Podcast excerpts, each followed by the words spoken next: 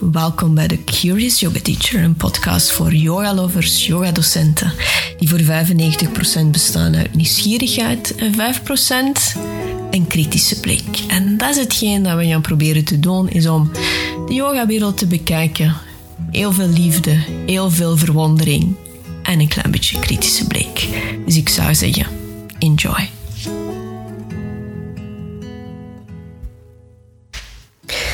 Van yeti yoga tot aerial yoga, yoga dat in een doek hangt, yoga aan een wal, yoga in een riem, sub-yoga, uh, yoga in alcohol, yoga in chocolade, wijn-yoga.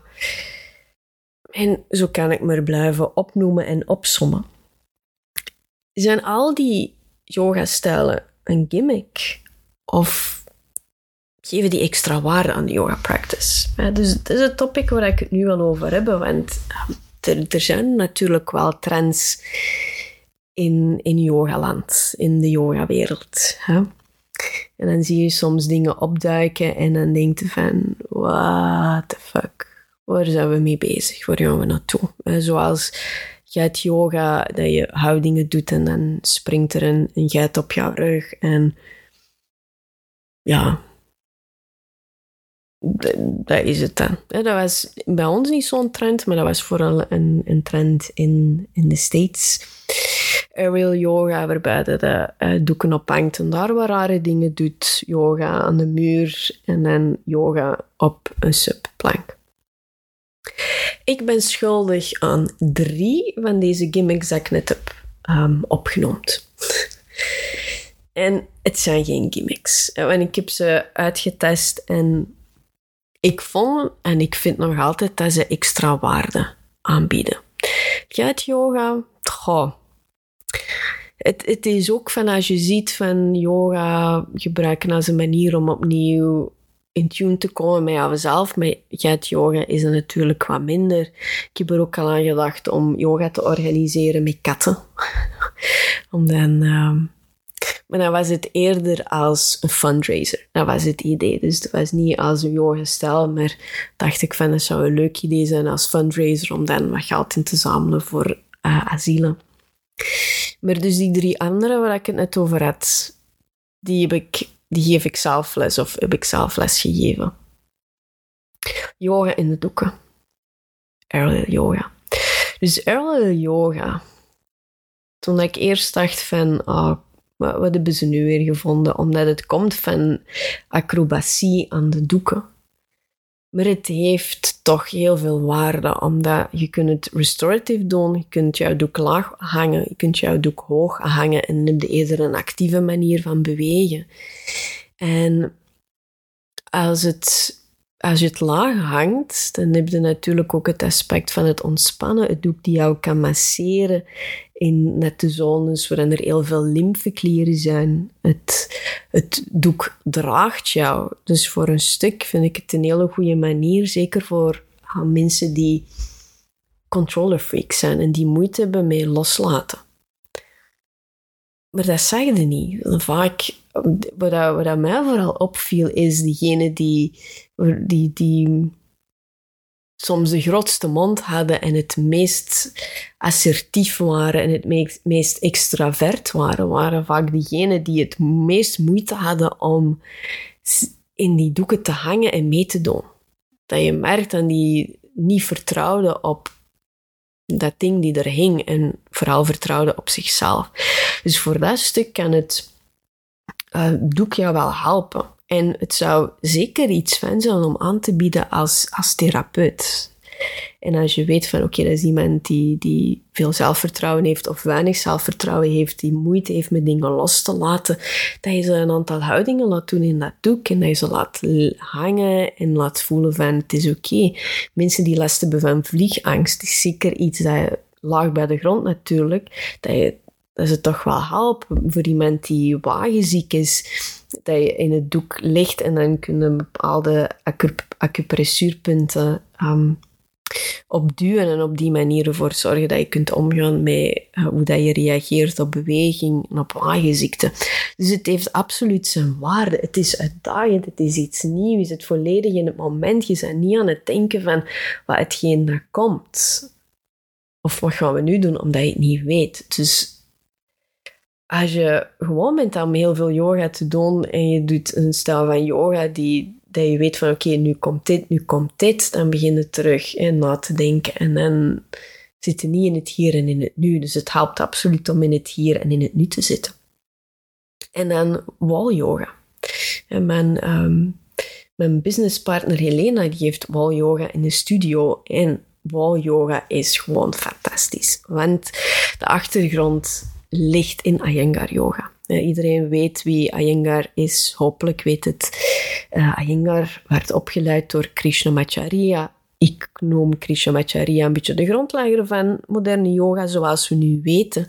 Is, Iyengar had een zwakke gezondheid, is mede door de therapeutische aanpak van Krishnamacharya en de krachtige sequence van Ashtanga weer gezond geworden. Of toch eh, heeft uit die zwakte die kinderlijke zwakte, of sommige, sommige kinderen kunnen zwak zijn, dus die heeft die zwakte omgezet in heel veel kracht. En nadien heeft Iyengar ook wel beseft van oké, okay, Ashtanga is niet voor iedereen toegankelijk, dus die heeft zijn eigen manier van lesgeven uh, ontwikkeld onder de noemer van Iyengar Yoga. En hij was degene die begonnen is met de dekens en de blokken en de props. Dus yoga ondersteunt. De stoelen, maar ook yoga aan touwen. Dus er gingen op twee niveaus. Het eerste niveau was ongeveer ter hoogte van de heup en dan wat hoger gingen er touwen. En werd er yoga-houding gedaan in de touwen, ondersteund, op, half op een stoel, om dan ook heel therapeutisch te werken. Dat is nu wat um, chiquer en geavanceerder geworden, is dan dat er nu houten platen worden geïnstalleerd.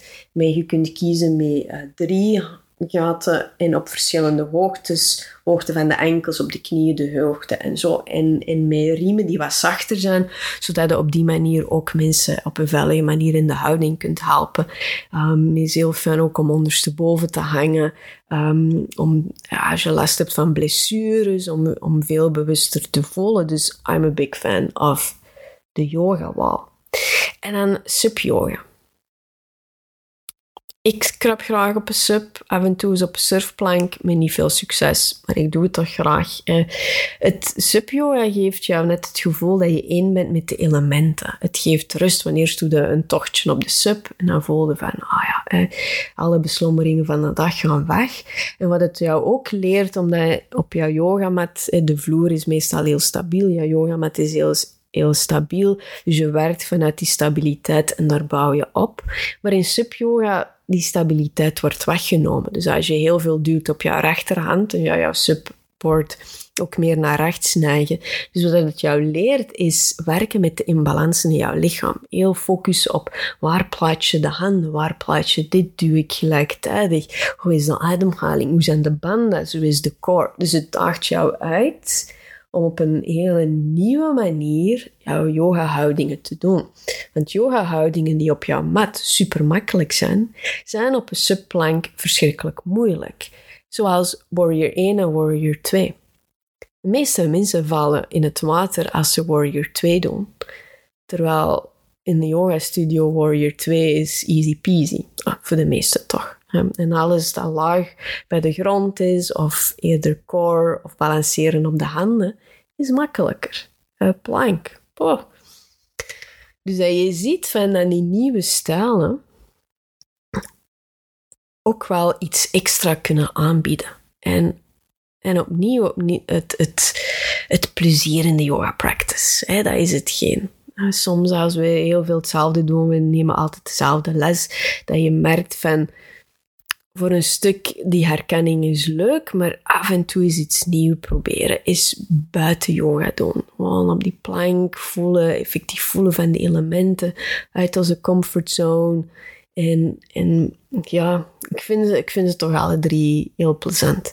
Yoga en wijn, tja, het is lekker, maar willen we wel um, vluchten in, in de alcohol terwijl dat we yoga doen? Ik denk het niet, maar Als je eerst wat yogales geeft en dan samen een wijntje drinkt, denk ik niet dat we, dat we er van dood gaan gaan. Maar wat vooral belangrijk is, in die nieuwe, nieuwe trends die naar boven komen, is dat we nog altijd rekening houden met hetgeen dat belangrijk is. En hetgeen dat belangrijk is, is dat we streven naar connectie. Dat we connectie willen creëren tussen lichaam en geest. Connectie willen creëren tussen mensen onderling. Dat we een antidoot willen geven voor de hectiek van het dagelijkse leven. Dat is het. En ook dat je veel plezier wilt brengen aan de ene kant. En aan de andere kant wilt werken tot opnieuw rust brengen. Spelen tussen sympathisch zenuwstelsel en parasympathisch zenuwstelsel. Mensen tot rust brengen. Mensen tools geven om rust te kunnen ervaren. Weg van de yogamat. Dus als jouw gimmick, jouw nieuwe uitgevonden yoga-stijl dat doet, dan is het in essentie yoga. En oké, nu weet ik dat er een aantal mensen mee uh, vlaggen en wimpels gaan staan zwaaien en zeggen van no, it's not yoga. Weet gewoon dat lang, lang geleden yoga betekende de kar en het paard vasthangen aan elkaar. Is geëvolueerd, de betekenis is geëvolueerd naar to yoke, verbinding. Yoga betekende honderden jaren geleden yoga als de staat van yoga, de staat van zijn. Het is pas de laatste jaren dat yoga wordt gezien als een vorm van beweging. Dus laten we niet te veel de moraal uithangen. Laten we kritisch kijken naar hetgeen dat we doen in onze les, maar dan openstaan voor nieuwe invloeden. Eens proberen. Is het niks, dan is het niks. Maar het leven is al zwaar genoeg, dus laten we daarover al niet te veel, hè, ons niet te veel zorgen maken. En hopelijk heb ik jou geïnspireerd om toch eens wat verder te kijken dat jouw neus lang is en eens een nieuwe yoga-stijl uit te proberen. Dus ik zou zeggen, go online, zoek iets leuk of kom bij ons in de studio aerial yoga volgen of eh, in de zomer sub yoga volgen en hopelijk tot de volgende podcast aflevering.